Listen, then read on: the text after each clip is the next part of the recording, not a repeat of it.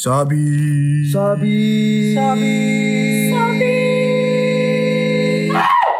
My Sumatera bicara.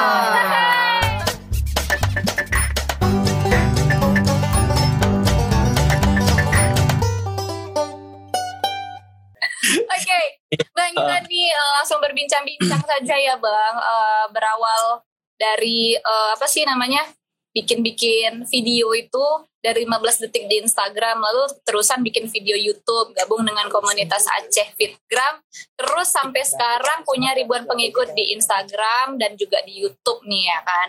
Kalau di TikTok ada main juga nggak Bang? Eh, di TikTok alhamdulillah sekarang udah terjun juga dong karena kan menyesuaikan dengan eh, pasarnya juga kan. Dan sebenarnya sih apa yang diposting di TikTok sebenarnya apa yang udah pernah aku buat di Instagram juga gitu. Nah sekarang posisinya palingan konten-konten aku di story di Instagram tapi aku kok misalnya TikTok itu lebih ke konten langsung di feednya kan jadinya. Tapi nggak masalah juga sih menyesuaikan dengan perkembangan eh, kreator-kreator yang ada sekarang aja kayak gitu biar nggak sampai ketinggalan aja gitu. Betul betul karena memang eh, harus ngikutin zaman ya, ngikutin ke hitsen sekarang semuanya kayaknya memang beralih ke TikTok ya. Iya betul. Tak- takut juga nggak sih Instagram ditinggalin?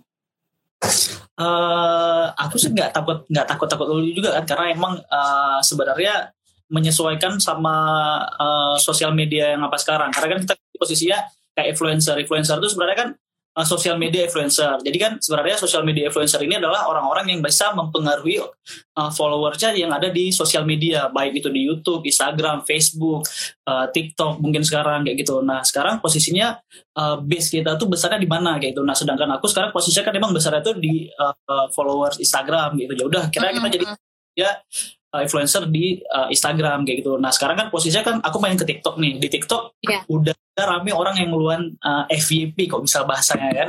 Udah luan FYP, FYP udah banyak followersnya dan segala macamnya.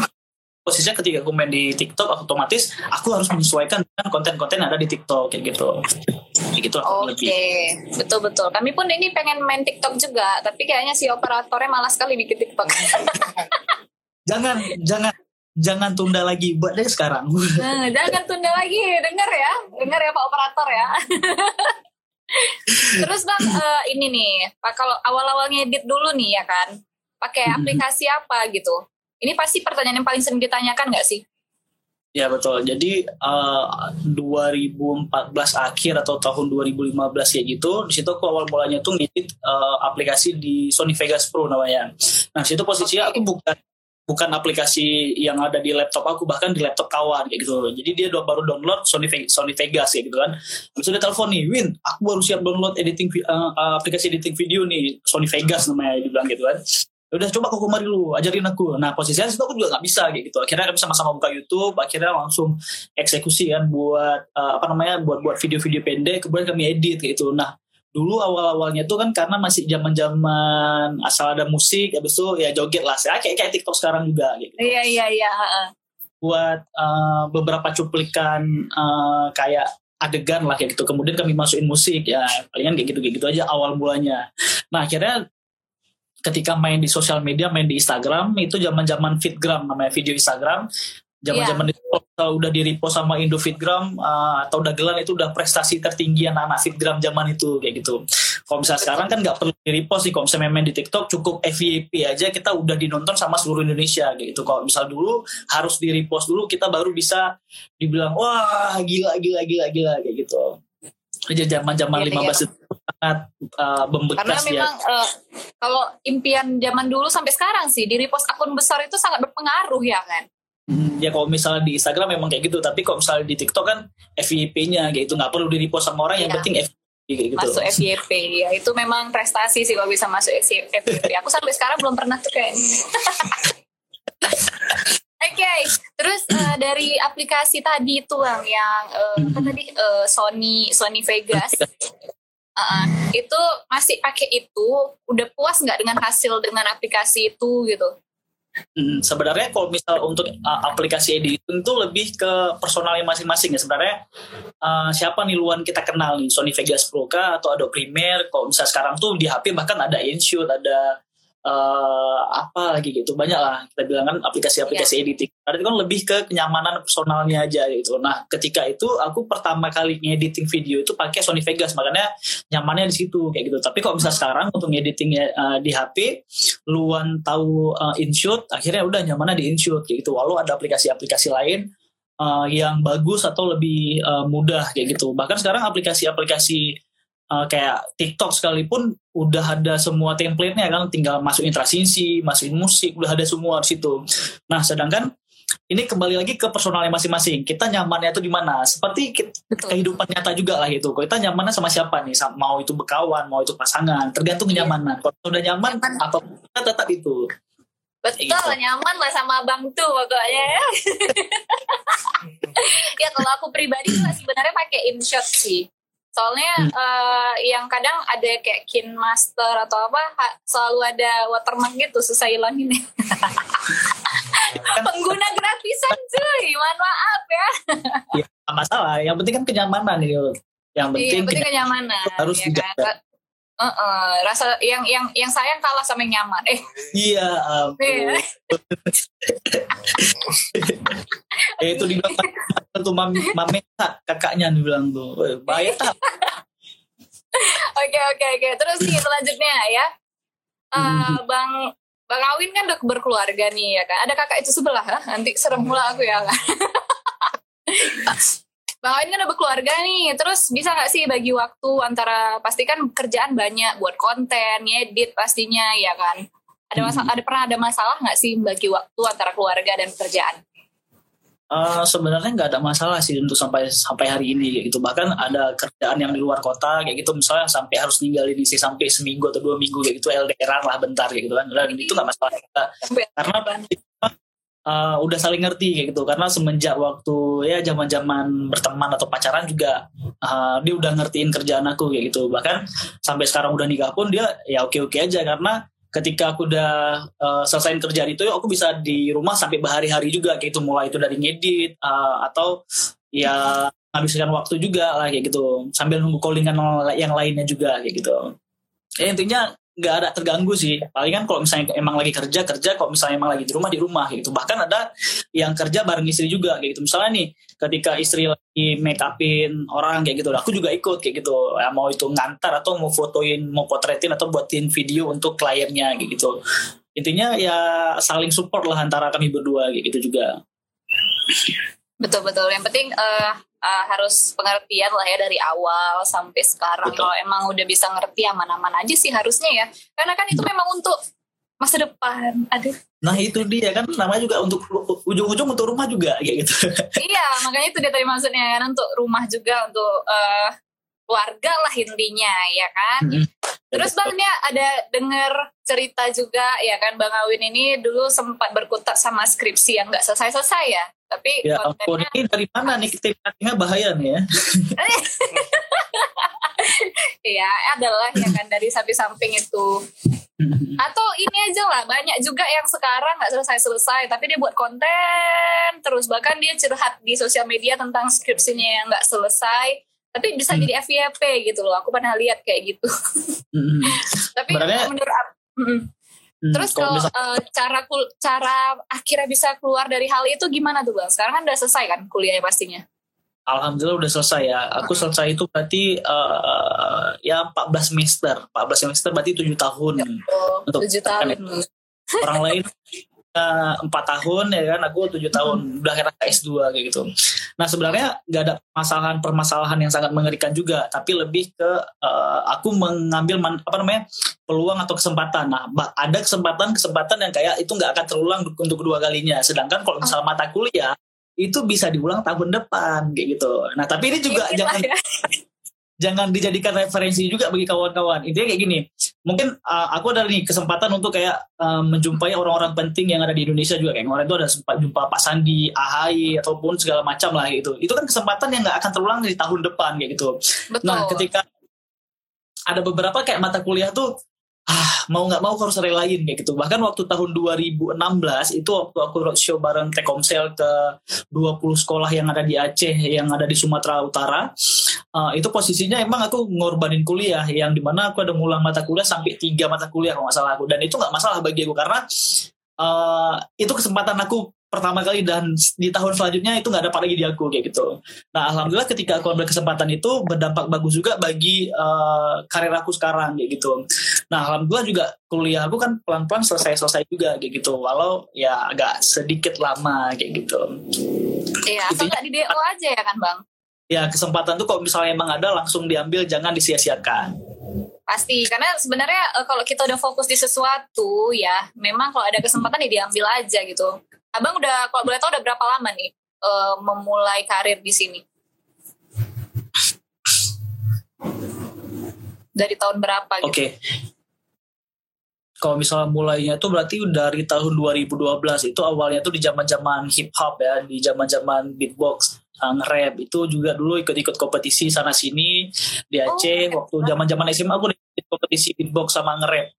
Uh, kemudian uh. di tahun 2014 2015 itu kayak uh, ada tren baru yang di mana audio visual itu lebih uh, lebih asik kayak gitu. Sedangkan kalau misalnya zaman-zaman hip hop, beatbox, nge-rap itu kan kita cuman buat lagu ataupun uh, nge-record suara kita untuk diposting ke Reverb Nation, ya Reverb Nation, SoundCloud dan segala macam platform. Tapi cuman untuk didengar kayak gitu. Tapi ketika orang tanya orangnya yang mana orang nggak tahu. Nah ketika audio visual, ketika orang tahu suara kita yang mana, orangnya yang mana itu lebih asik rasanya kayak gitu. Makanya mm -hmm nyaman aja ketika main di audio visual kayak gitu.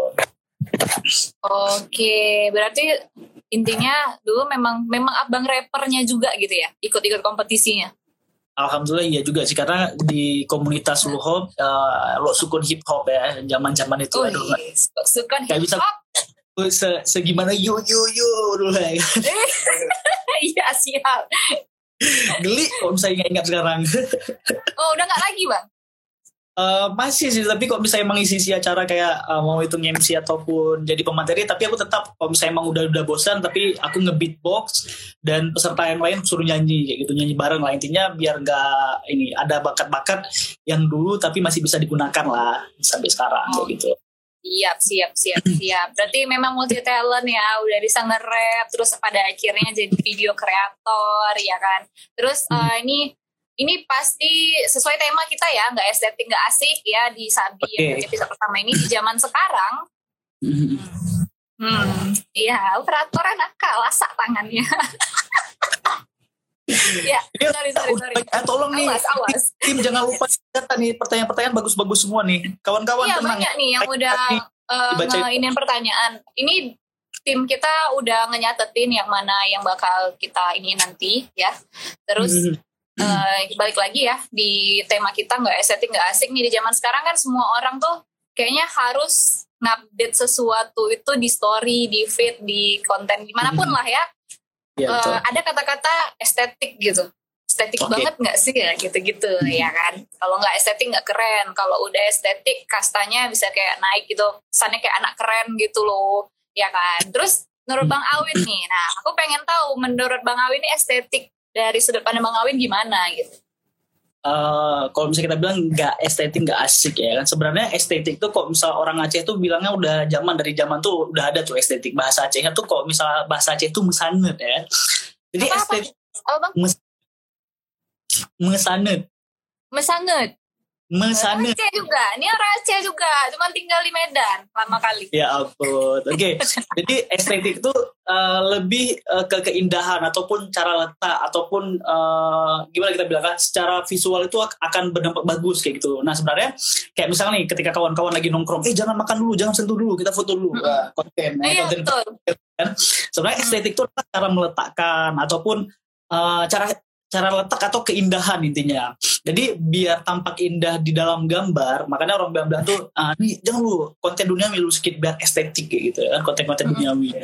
Nah sebenarnya kok bisa estetik tuh lebih ke uh, untuk setting tempat maupun itu apa pun itulah mau itu objeknya uh, orang ataupun benda kayak gitu. Nah sedangkan kok bisa kayak kita bilang sinematik, sinematik itu lebih ke uh, tahap produksinya itu tahap produksi dalam artian mulai dari lensa yang digunakan, kemudian cara pengambilan, uh, cara sudut uh, intinya lebih ke teknis pengambilan kalau sinematik itu dan kemudian formatnya mulai itu dari audionya Mm-mm. kemudian dari segi warna, kemudian dari sound effect yang kita gunakan, dari editingnya juga. Jadi ketika estetik dan sinematik ini eh, digabungkan menjadi satu itu menjadi konten yang ya kita bisa kita bilang yang lebih asik aja untuk dilihat kayak gitu. Nah, kalau misalnya kita Oke. kita bandingkan nih kalau misalnya memang kayak penggunaan uh, smartphone atau kamera profesional kayak gitu. Nah sedangkan kalau misalnya di kamera HP mungkin kita cuma bisa ambil gambarnya gambar-gambar normal-normal aja gitu. Tapi kalau misalnya kita menggunakan kamera yang profesional itu kan bisa kayak lebih ngeblur ataupun mau kita zoom yang jaraknya berapa kayak gitu. Jadi ada kekurangan dan kelebihan antara uh, penggunaan smartphone dan uh, kamera kayak gitu. Nah untuk sinematik lebih mungkin ke kita bilang kamera profesional sih kita bilang tapi kamera-kamera HP smartphone sekarang juga udah bisa untuk mendukung konten-konten yang uh, mau kita buat sinematik sinematik juga kayak gitu ya Mm-mm. itulah kurang lebihnya Betul betul betul. Berarti memang eh, harus disesuaikan lah ya eh, kalau mau estetik itu videonya ya Ya. kan. Karena eh, zaman sekarang aku pernah nyoba gitu kan bang kayak bikin nyesuaiin ke sound itu susah ya loh. Kayak harus potong betul-betul gitu di mana transisi masuknya.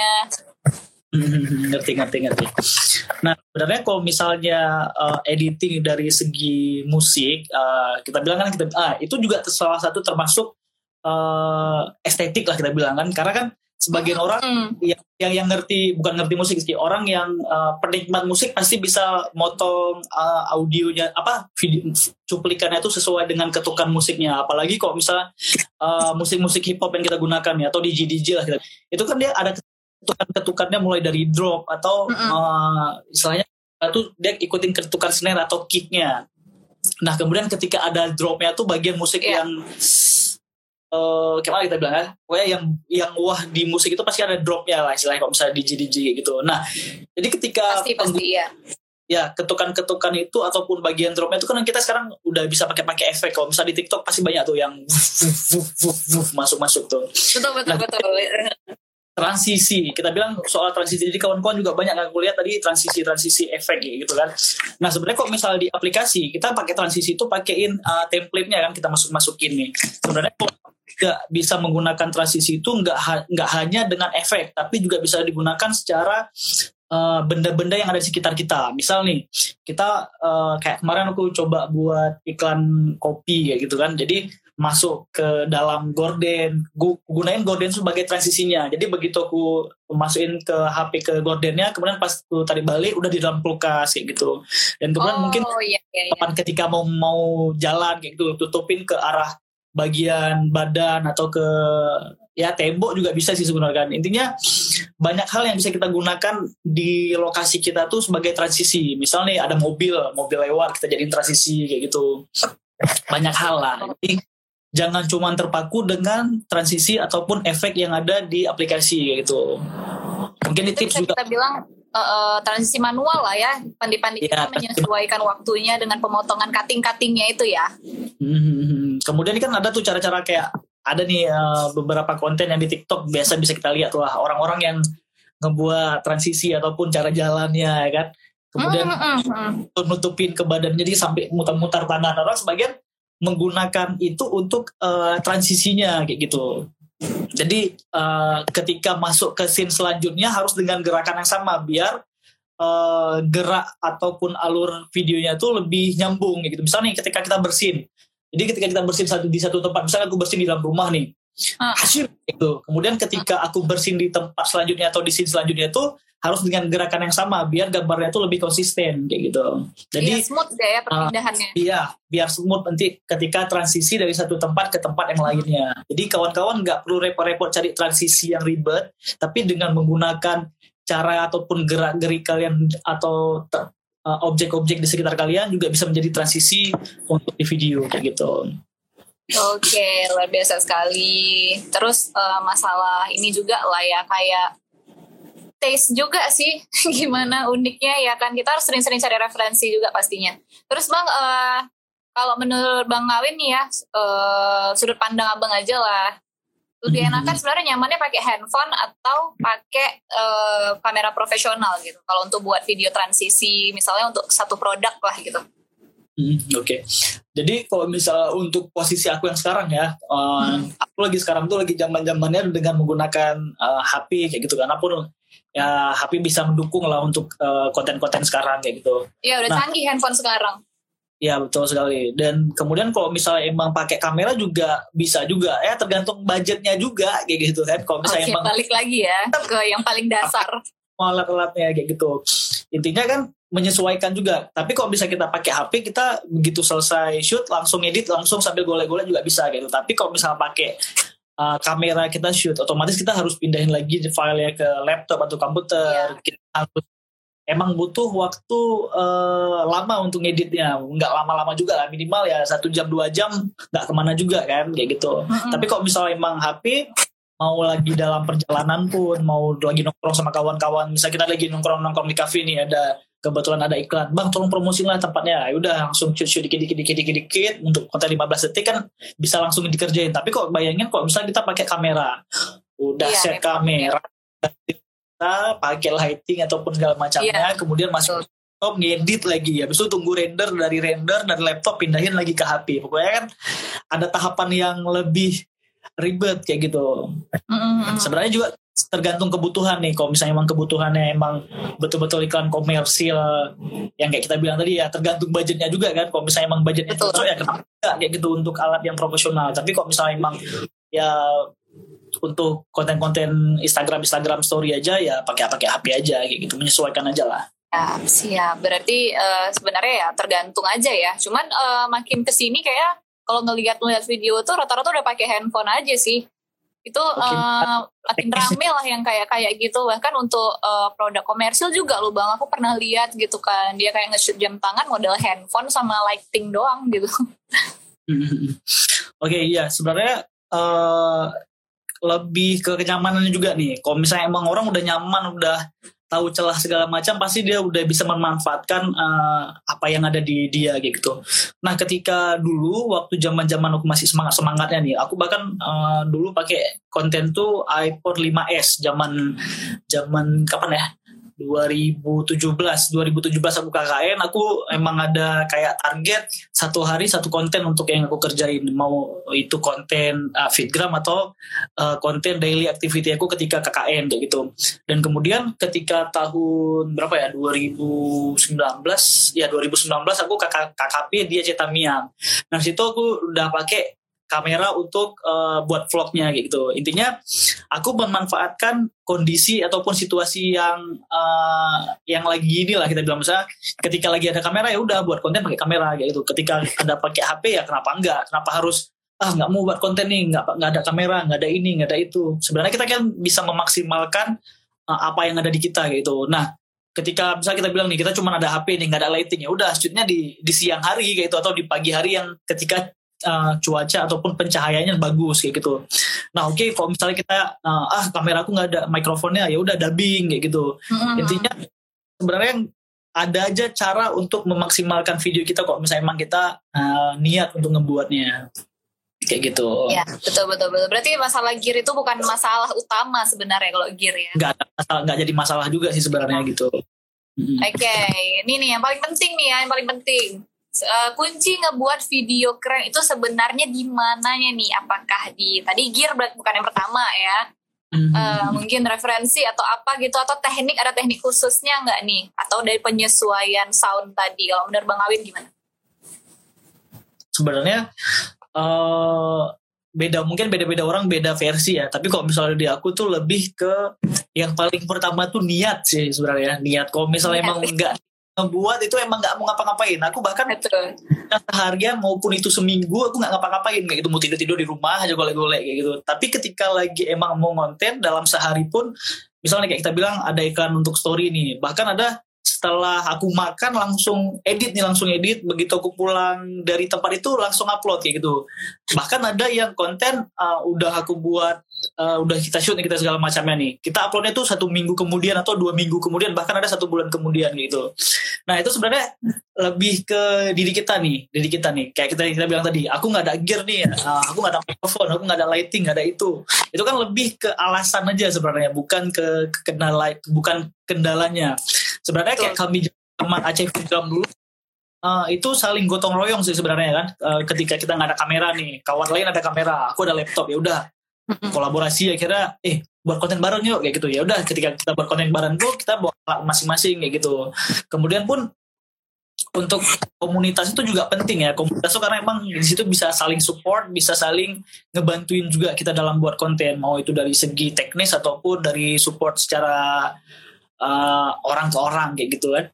Uh, dan kemudian untuk kayak kita bilang tadi apa cara pengambilan. Cara pengambilan juga tergantung sama kreatornya gitu ada mm -hmm. kreator mungkin ngeiklanin sesuatu tuh harus pakai gerakan kayak yang kayak di TikTok sekarang tuh kan kayak uh, dia tetap joget tapi ada tulisan-tulisan yang lewat kayak gitu. Nah sedangkan kalau misalnya aku uh, suka ngomong nih posisinya, jadi ketika aku nge-review makanan ya udah uh, video cuplikannya jalan terus tapi suaraku langsung ngikutin kayak gitu. Aku nggak bisa juga kayak uh, apa namanya yang kayak uh, makanan nih ada di depan langsung review di depan. Gitu kayak ah, agak ribet gitu. Tapi mm-hmm. aku gak perlu mendalami dulu nih rasanya gimana. Kemudian aku catat ataupun aku ingat lah ya gitu kurang lebih. Jadi sebenarnya uh, untuk ngerjain sesuatu itu bisa kita jalanin itu ketika kita udah ngelewatin banyak-banyak hal kayak gitu. Betul, lebih ke ini balik lagi ke experience lah ya, belajar trial error gitu ya. Karena sebenarnya kalau menurut aku juga uh, masalah keren atau enggak itu memang taste ya. Taste orang tuh berbeda-beda gitu kan. Kalau aku mm-hmm. lihat kayak gini keren belum tentu sama dia itu keren gitu kan. Ya betul betul. Siap siap siap. Nah berarti itu dia tadi memang sebenarnya uh, kesimpulan yang bisa aku dapat lah nih ya dari Bang Awi nih buat kawan-kawan yang lagi nonton. Sebenarnya kalau kalian pasti paling banyak tanya itu masalah gear ternyata gear itu bukan masalah utama ya. Tentang uh, untuk pemula biasanya pakai aplikasi apa. Sebenarnya pakai aplikasi apa yang gratis juga nggak ada masalah ya kan bang ya nggak ada masalah sih karena nama juga aplikasi gratis hmm. ya itu ya udah maksimal iya, yang diberikan. Karena kadang kan dia pengennya tuh yang ya. terlihat profesional gitu loh mau harus transisinya keren atau enggak padahal tadi udah dijelasin transisi manual pun bisa gitu loh nggak perlu nggak hmm. perlu yang pakai yang shoot shoot shoot terlalu kayak gitu shining shimmering splendid ya kan Oke, okay, dan ini uh, kita mau langsung ke pertanyaan ya Bang ya. Ini mungkin bisa okay. lebih panjang lagi penjelasannya dari pertanyaan. Ini kita udah dapat lima pertanyaan. Ya, yang hmm. pertama itu dari Indah Indah Putri 1307. Apa hal yang harus dipersiapkan untuk para pemula agar bisa menjadi konten kreator? Nah, ini balik ke basicnya nih Bang. Oke, okay. Jadi uh, untuk para pemula nih ya, para pemula aku dulu sama kawan-kawan itu misalnya ada ide nih ada ide. Eh aku ada ide buat konten ini. Yuk yuk yuk yuk langsung buat kayak gitu. Nah sebenarnya ternyata ketika kita betul sih begitu ada ide langsung eksekusi langsung eksekusi. Nah ternyata ketika kita nonton berulang kali ada yang kurang pasti ada yang miss. Minimal scene-nya ataupun pencahayaannya mau itu audio atau segala macam ataupun percakapannya. Nah untuk para pemula jadi walaupun kita pemula nih jangan uh, begitu ada ide langsung eksekusi tapi harus dibuat secara matang nih. Yang pertama nih kalau misalnya emang ada ide langsung tulis aja dulu nih. Buat skripnya. Buat skripnya dalam artian mau itu cara pengambilannya gambar-gambar apa yang harus dimasukkan kemudian uh, percakapan apa nih yang harus kita ini. Yang intinya untuk ngebuat suatu konten itu emang harus terkonsep jadi mulai dari A sampai Z itu harus ada, mulai dari latar belakang, kemudian kalau misalnya emang itu uh, sketsa, apa video-video sketsa atau film pendek, mulai ada konflik-konfliknya, kemudian ada penyelesaian masalahnya, kemudian kayak sebenarnya kita mau nyampein apa nih di video kita kayak gitu. Intinya semuanya itu harus ada. Kalau misalnya emang kita pun mau nge-review makanan ataupun nge-review produk itu minimal kayak 5W 1H ya untuk berita ya 5W 1H itu harus ada ya. gitu jadi di mana tempatnya berapa harganya rasanya apa. Jadi itu emang betul-betul harus di, disiapkan dulu kayak gitu. Atau ketika kita nih nggak tahu apa-apa tentang tempat itu. Jadi ketika datang kita tanya dulu nih sama sama pemilik owner ataupun sama yang kerja nih. Kemudian kita catat kalau misalnya emang kita belum ada skrip di awal kayak gitu. Jadi ketika kita pulang ketika ngedit kemudian kita dubbing ataupun isi suara ya udah. Kemudian informasi-informasi yang kurang dari visual kita padatkan di audionya kayak gitu. Atau nih kita nggak mau dubbing atau ah bang aku nggak mau nih dubbing karena suaraku jelek suaraku ini aku nggak ada mikrofon atau nggak ada alat.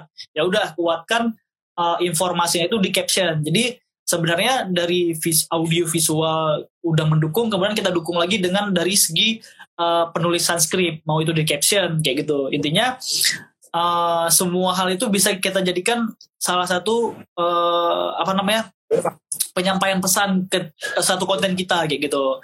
Jadi untuk konten kreator pemula jangan lupa ngebuat konsep suatu video itu lebih matang.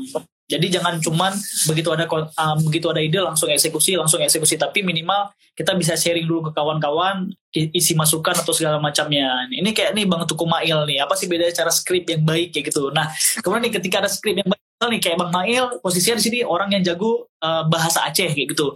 Jadi ah. ketika aku yang nggak kuat di segi bahasa Aceh aku sharing nih ke, Mail. Il, nyu kiban kiban caranya pegat bahasa Aceh aja yang lebih mekancah dan nasional misal gitu kan. Jadi ada hal aku aku pribadi kurang untuk dari segi uh, bahasa Acehnya tapi kita bisa sharing ke Mail misalnya gitu. Jadi kawan-kawan ketika ada konsep itu harus di-sharing juga kawan-kawan yang lainnya untuk kayak cari masukan. Tapi nggak semerta-merta semua masukan orang itu kita terima. Tapi kita sharing saring-saring juga untuk yang hasil yang lebih optimal kayak gitu. Iya mantap ya, ya jawabannya. Jadi memang uh, harus sih. Masuk komunitas itu pun memang hal yang bagus ya kan bang? Karena bisa sharing-sharing belajar uh, hal baru dari orang lain dari kawan kita gitu kan. Nah ini berlanjut nih ke pertanyaan kedua nih. Ada si Jane Abigail. Nah terus gimana caranya agar bisa unggul dengan konten kreator lainnya yang punya kemiripan. Nah, takutnya kan nanti bersaing-bersaing gitu kan. Jadi kalau biar bisa lebih unggul, kayak mana? Berarti intinya menciptakan uh, punya kita sendiri gitu, lebih unik gitu. Hmm. Oke, okay, jadi sebenarnya kok misalnya kita mau bilang originalitas di sebuah konten itu emang agak sulit sekarang ya. Jadi walaupun aku nggak nonton konten si B atau si C maupun si Z, tapi banyak yang bilang, bang kok mirip sama si ini. Padahal kita nggak pernah jumpa, padahal aku nggak pernah nonton videonya, tapi tiba-tiba mirip. Sebenarnya karena emang kayak mana ya sebenarnya imajinasi orang kayak gitu imajinasi orang mungkin banyak yang sama juga. Jadi ketika walaupun nggak jumpa ataupun nggak ngelihat ataupun nggak meniru itu secara tidak langsung emang udah sama kayak gitu. Bahkan setingkat lagu musik aja uh, di Indonesia banyak tuh kasusnya kayak gitu juga. Jadi ketika dia buat uh, dia lagunya dia. Tapi tiba-tiba udah sama dengan orang yang India di Zimbabwe atau di Wakanda sana. Intinya ada aja yang mirip kayak gitu. Sebenarnya aku lebih kayak ya kalau misalnya emang mirip ya udah itu mungkin kebetulan kayak gitu. Tapi kalau misalnya emang yeah. itu menjiplak ah itu emang udah keterlaluan. Tapi kalau misalnya menjiplak aku enggak sih. Tapi kalau misalnya emang kayak uh, ah, ATM kayak amati tiru dan modifikasi itu nggak masalah masalah kali gitu, gitu. karena betul, betul. sama juga kreativitas. Kreativitas itu kan adalah memperbaharui kayak gitu. Misal nih, uh, kayak aku bilang tadi yang di awal, cara ngebuat video transisi dengan bersin misal. Jadi di zaman Fir'aun sekalipun udah ada orang bersin-bersin, tapi mungkin zaman-zaman itu belum ada orang bersin tiba-tiba pindah ke tempat yang lain kayak gitu. Tapi kok misalnya sekarang tuh bersin, bersin, pindah tempat lain, tempat lain kayak gitu. Jadi hmm. sebenarnya amati, tiru dan modifikasi itu nggak ada masalah-masalahnya juga kayak gitu. Yang penting jangan menjiplak nih. Misal nih, mulai dari percakapan, musik yang digunakan, gambar-gambar yang digunakan. Tapi kan ada sekarang tuh zaman istilah kayak uh, cover atau segala macam. Itu kan kembali lagi ke originalitas uh, si kreatornya juga ataukah emang udah minta izin sama kreator yang ditiru ataupun di covernya atau segala macamnya lah intinya kan kalau misalnya mau cover pun ada etika-etika yang harus uh, dilakukan oleh kreator kayak gitu. Jadi kalau misalnya nggak cuma lagu aja ya bang ya untuk kayak gini, ya, juga iya. harus bisa lah hmm. ya namanya menghargai uh, kreasi orang itu paling penting sih jangan langsung ya. upload kayak gitu. Kemudian nih uh, misalnya kayak gini uh, kita mau ngebuat konten ketika konten kita nggak cukup atau segala macamnya kita kan kayak ah pakai nih footage orang yang di YouTube kayak gitu. Sedangkan kalau misalnya kita emang pakai footage orang di YouTube ya silahkan aja gitu. Tapi kan ada istilahnya kayak kita mengapresiasi si kreatornya dengan cara kayak menulis sumber di videonya langsung atau di caption kita. Terima kasih untuk siapa ataupun uh, footage by siapa kayak gitu. Intinya kita harus juga menghargai kreator-kreator lain ketika kita membuatin konten. Intinya yeah. kok misalnya mau unggul dari segi apa namanya dari ngebuat konten ya harus originalitas ya gitu. Harus percaya diri juga dengan konten kita nih. Mungkin sekarang uh, orang nggak terlalu suka dengan konten kita tapi mungkin di tahun uh, selanjutnya ataupun dua tahun kemudian orang akan suka dengan konten itu. Yang penting konsisten dengan apa yang kita lakukan sekarang gitu. Iya iya. Berarti kadang kan memang uh, di luar kuasa kita ya kalau dibilang uh, originalitas itu kadang memang kita buat itu original rupanya ada yang ngeklaim itu aku udah pernah bikin loh kan niru-niru gitu. Kita nggak pernah tahu gitu kan nah ya, terus uh, pertanyaan ketiga nih dari uh, Islin MS kosong ya itulah ya agak susah Evelyn oh Evelyn MS nah uh, apa ada nih bang spek spek laptop dan software tertentu agar bisa memudahkan pemula uh, untuk membuat videonya terkenal dan bermanfaat. Oke, okay.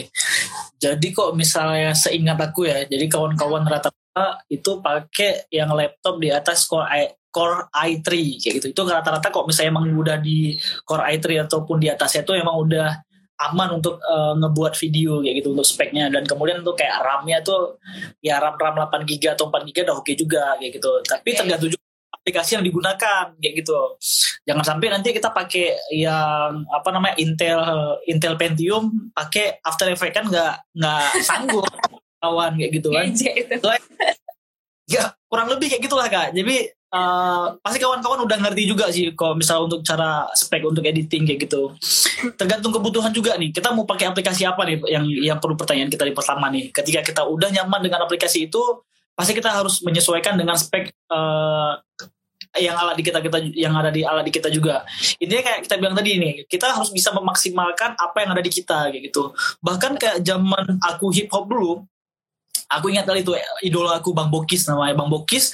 Dulu dia ngerekam uh, suara mu, apa ngebuat musik ngebuat musik di studio itu di warnet.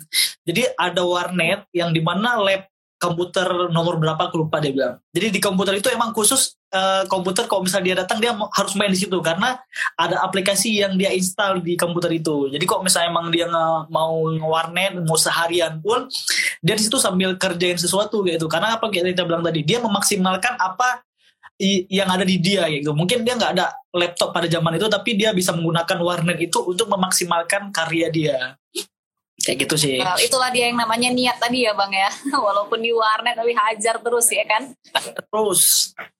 ya, selanjutnya nih pertanyaan dari Ai Lestari ya. Eh, uh, bang gimana caranya nih? Udah edit video yang estetik tapi bingung untuk sinkronkan dengan lagu yang pas. Ada tips nggak katanya?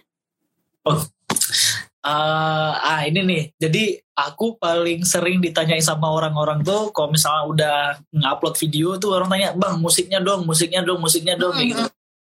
Sebenarnya aku pengen aja kasih informasi ke kawan-kawan. Kalau misalnya emang kita butuh referensi musik kan bisa download tuh nama aplikasi itu Sazam ah Sazam, Sazam. itu Sazam jadi ketika nih kita mungkin lagi moodnya ngebuat konten kayak mana tuh tapi kita nggak tahu nih musik-musik apa. Makanya ketika aku ngeliat-liat referensi kalau misalnya di TikTok mungkin udah ada tuh judul-judul lagunya langsung gitu. Tapi kalau misalnya di Instagram kan kita harus baca komen dulu nih musiknya apa nih musiknya apa bagian orang kan kayak nggak naruh nih uh, musik yang digunakan apa gitu.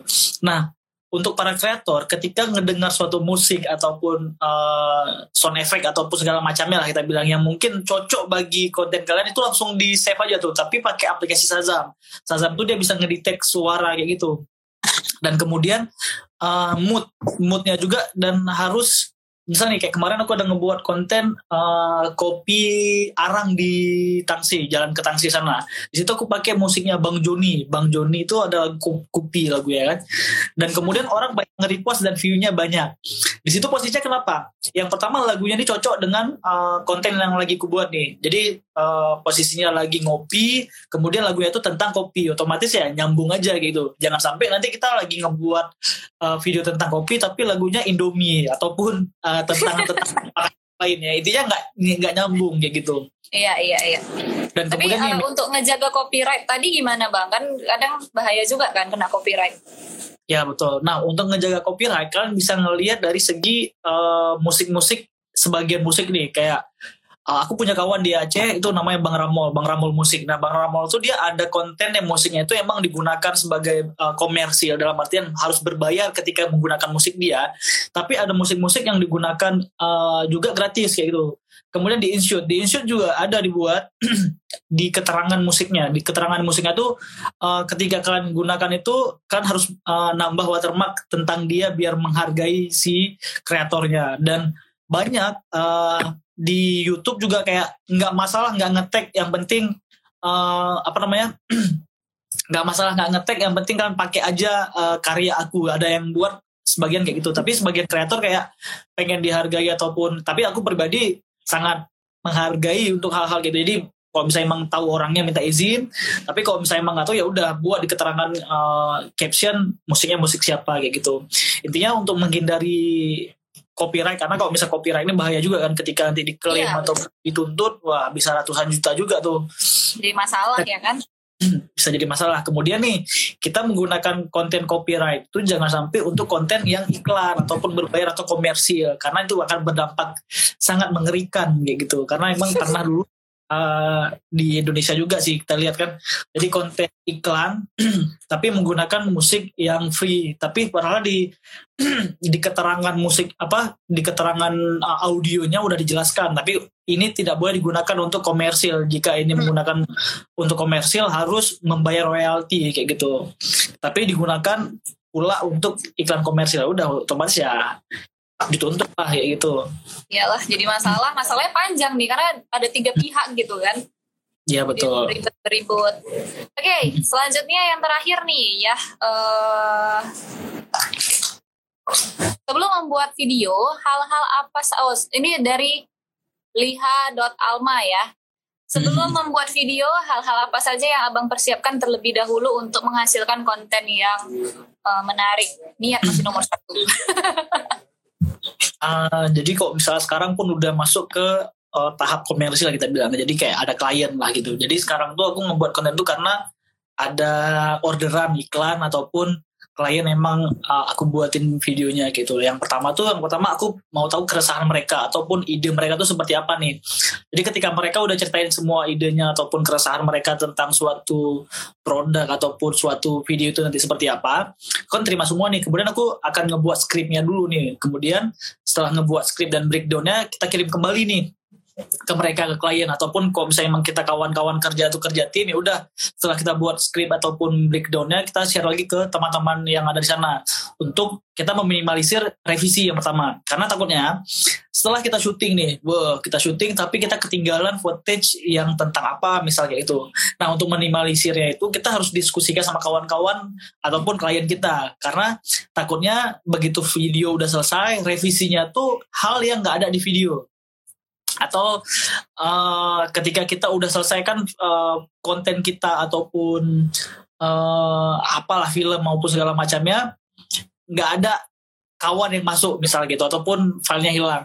Nah untuk membuat skrip ini gunanya untuk meminimalisir hal-hal itu yang ketinggalan-ketinggalan itu. Nah ketika kita udah diskusikan sama tim ataupun sama klien, baru kita syuting kayak gitu. Nah setelah syuting, baru kita bisa kasih skripnya ke editor ataupun emang kita mau ngedit sendiri, biar lebih mempermudah editor. Karena kan posisinya nih, kalau misalnya kita bilang editor ada ikut syuting, nah itu mungkin lebih mudah untuk dia ngerjain. Tapi kalau misal posisinya editor kita nggak nggak ikut ke lokasinya, otomatis kita harus kasih skrip biar dia lebih mudah ngedit kerangka video yang kita kasih ke dia kayak gitu. Intinya untuk mem- uh, ngebuat video itu harus- ada skrip. Kalau misalnya aku pribadi harus ada skrip. Dan kemudian nih untuk video juga harus dipersiapin lebih baik kayak gitu. Kalau misalnya emang kita nggak punya mikrofon atau segala macam, kita bisa di dubbing nanti posisinya. Yang penting kalau misalnya emang itu percakapan harus bisa menyesuaikan dengan uh, percakapannya. Tapi kalau misalnya emang gitu cuman sekedar video untuk informasi berita ataupun review makanan, kita bisa ngedubbing aja gitu kan. Jadi ketika video lagi jalan kita langsung isi suaranya. Intinya semua itu audio visual itu harus saling melengkapi lah. Kalau misalnya emang nggak sanggup kita uh, combine antara audio visual ini kita bisa lengkapi dengan caption. Nah, caption ketika kita postingnya nanti kayak gitu. Jadi uh, semua hal itu perlu untuk seorang content creator karena kita menyampaikan pesan kan dari video kita kayak gitu. Wah konslet nih. Betul betul. Berarti memang ya ya intinya tadi buat skrip itu penting untuk mengurangi resiko edit yang nggak genah gitu ya kan bang? Ya, apalagi revisi yang bukan di video kita kan. Iya, nanti eh ininya kok nggak ada gitu karena nggak ada si eh, skrip tadi.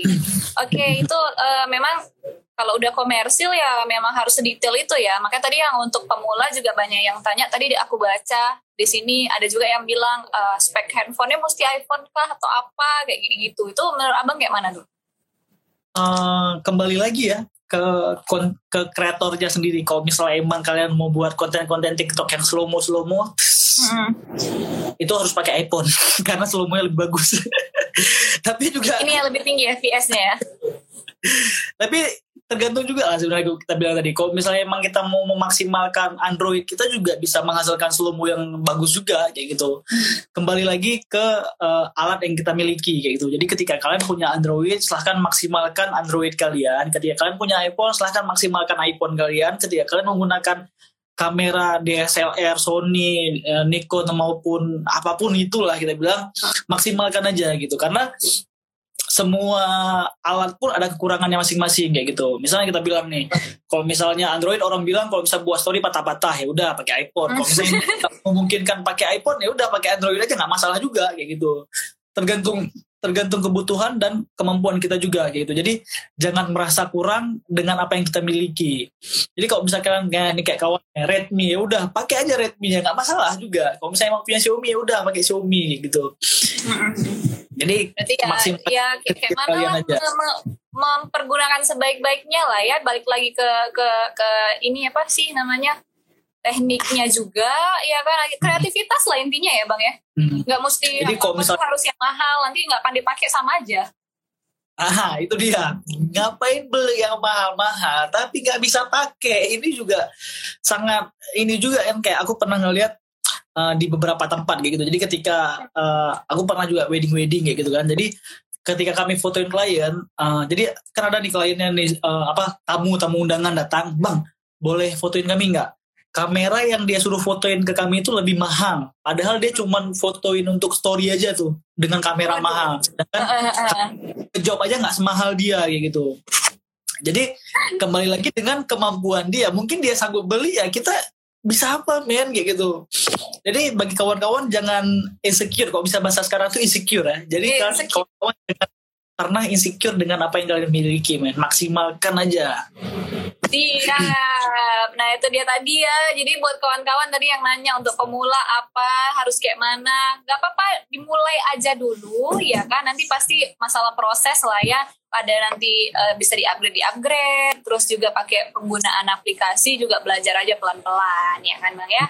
Terakhir Iya, nih bang untuk para kreator-kreator yang eh, eh sorry untuk para kreator-kreator yang baru mau mulai nih dari abang lah kasih kata-kata semangat terbaik lah tips dari abang nih untuk yang memang baru mulai atau sedang berjuang supaya jadi kreator yang luar biasa. Oke, eh, jadi kalau misalnya dari aku, kalian harus bisa eh, mengambil kesempatan jika itu ada gitu. Jadi ketika ada kesempatan itu langsung ambil, jangan tunggu besok gitu. Tapi kalau misalnya emang kalian nggak bisa, jangan dipaksakan. Habis itu jangan jadi yes man nih. Kalau yes man tuh eh, bisa ini, oh bisa. Tapi begi- begitu kejadian di lapangan udah nggak bisa. Tapi kalau misalnya emang bisa bilang bisa, kalau misalnya emang nggak bisa bilang nggak bisa. Dan Iya. kemudian eh, maksimalkan apa yang ada di kalian. Jangan pernah merasa kurang dengan apa yang kalian miliki, tapi harus merasa beda dan merasa lebih lah ketika apa yang kalian miliki itu sekarang. Aku dulu ngebuat konten mulai dari iPhone 5s sampai megang kamera, sampai bisa ganti HP juga. Alhamdulillah intinya itu semua dari uh, hasil kerja keras. Jadi ketika aku belum butuh untuk itu, aku nggak memaksakan diri untuk ganti kayak gitu. Jadi Hmm. aku ganti iPhone 5s aku karena emang itu udah padam dan nggak bisa ngapa-ngapain lagi emang udah nggak bisa lagi emang harus ganti ya udah ganti padahal di jam kawan-kawan bilang emak kok pakai HP ini HP udah pecah-pecah layar lah pokoknya eh, komentar komentar orang tuh kan kayak ah kalian nggak tahu apa yang aku rasakan men gitu karena kebutuhan aku ya udah iPhone itu kayak gitu karena aku nggak ada nggak ada kebutuhan untuk hal yang lain iya, Intinya maksimalkan apa yang ada di, di kalian, jangan pernah uh, sia-siakan kesempatan yang itu uh, yang ada di kalian. Kalau misalnya emang kalian lagi kuliah, ada kesempatan bagus untuk karir kalian, langsung gaspol karena kuliah bisa di bulan tahun depan gitu. Karena kalau misalnya kesempatan nggak mungkin ada di tahun depan. Iya. Kalau Tapi jangan sampai salah persepsi ya. Jangan sampai Jangan ah, ngapain kuliah ini dulu lah. Jangan kayak gitu ya. Ya juga, tapi disesuaikan aja juga gitu dengan kegiatan kalian. Karena kalau Iya. misalnya emang semua itu harus ada kayak uh, kuliah, karir dan pekerjaan itu emang harus di uh, apa disesuaikan juga dan harus dijadwalkan juga karena itu penting bagi kita ya biar jangan sampai nanti kita kewalahan ketika menjalankan hal-hal itu kayak gitu. intinya ya fokus ya dengan apa yang kita kerjain sekarang fokus juga dengan apa yang kita kerjain gitu jadi uh, Hmm. kalau udah fokus bertahun-tahun itu itu aja yang dikerjain nggak mungkin lah mengkhianati hasilnya itu pasti ada lah kayak gitu kayak kayak Oke. abang lah ya kan udah dari 2012 ya sampai sekarang kan udah berhasil sampai ya udah buat iklan komersil itu udah pencapaian besar loh ya kan bang Hmm. sampai Ya, jasanya bisa pakai Ya karena juga sampai akhirnya kan bisa kolaborasi brand-brand gede juga gitu. Itu kayak bangga aja gede pernah dan gitu. Kayak sekarang nih sama My Sumatera. Wah mimpi apa saya? Luar biasa. Ya nanti nanti ya kita semoga next project di telepon lagi Sumatera ya gitu kan. Bang Awin bisa nggak kerjainin? Oh bisa sekali. Saya tunggu iklannya Bisa ya. sekali. Iya iya iya iya mantap lah mantap. Nah itu dia tadi ya sharing-sharing sama si Bang Alwin ya. Semoga ini sharing hari ini tuh bisa bermanfaat dan kalau ini nanti anemonya bagus kita bisa buat part 2 nanti mungkin ya Bang. Karena kayak banyak kali pertanyaan yang belum bisa dijawab sama kita satu-satu ya kan. Betul betul. Nah, eh, untuk kawan-kawan mungkin yang tadi nanya-nanya cari inspirasi atau apa, mungkin kalian bisa cek aja langsung di eh, IG-nya Bang Awin ya, karena eh, banyak sekali video-video di aku lihat feed-nya contoh-contoh video yang bisa kalian cobain gitu ya kan untuk memulai aktivitas gitu eh, progres lah gitu ya supaya makin naik level lah gitu. Karena kan kalau misalnya nggak belajar ya sama aja gitu-gitu aja ya kan Terus juga untuk tadi yang sudah dibacakan eh, apa namanya pertanyaannya nanti eh, kami DM ya untuk minta datanya. Terima kasih juga dan pastiin kalian eh, screenshot ya ini kalian repost gitu ke eh, kalian post gitu ke Instagram di tag My Sumatera sama Bang Awin lah biar rame gitu ya kan Bang. oh boleh tuh repost Iya, biar biar kelihatan gitu animonya. Wih, hype nih eh, live bareng Bang Awin nih My Sumatera. Nah, dan yang paling penting jangan lupa juga buat kalian yang baru memulai menjadi video kreator atau content kreator, kita lagi adanya juga nih eh, kompetisi transition eh, video competition ya. Nah, itu eh, untuk pesertanya bebas, umum semua bisa ikutan ya itu nggak ada syarat yang eh, berat-berat lah. Kalian boleh pakai handphone boleh pakai kamera profesional itu terserah. Eh, dan batasnya itu satu menit video. Nah jadi video transisi ya harus ada transisinya. Terus juga temanya itu tentang your city point of view. Nah jadi kalian bisa mengangkat sekalian eh, keindahan dari kota kalian masing-masing pastinya ya. Nah untuk penanya terbaik juga eh, wajib ya. Yang penanya terbaik tadi wajib di screenshot event ini di post di eh, Instagram kalian dan juga di Twitter. Jangan lupa tag My Sumatera dan Bang Awin ya. ya. Oke, sampai situ saja. Makasih banyak untuk Bang Awin atas waktunya. Terima kasih juga buat teman-teman yang udah nonton. Kita tunggu nanti mungkin ada sesi, sesi kedua ya. Ah, ini harus domisili Sumatera enggak? Kita seluruh Indonesia nanti kita buka bebas. Jadi nanti cek aja informasi lebih lengkap di Instagramnya My Sumatera. Oke sekali lagi Yo. Bang Awin, makasih banyak ya Bang. Yo, terima kasih juga Sandra Oke siap. Kita akan ketemu lagi di live selanjutnya. Bye bye. Terima kasih. Dah. Sabi. Sabi. My Sumatera bicara.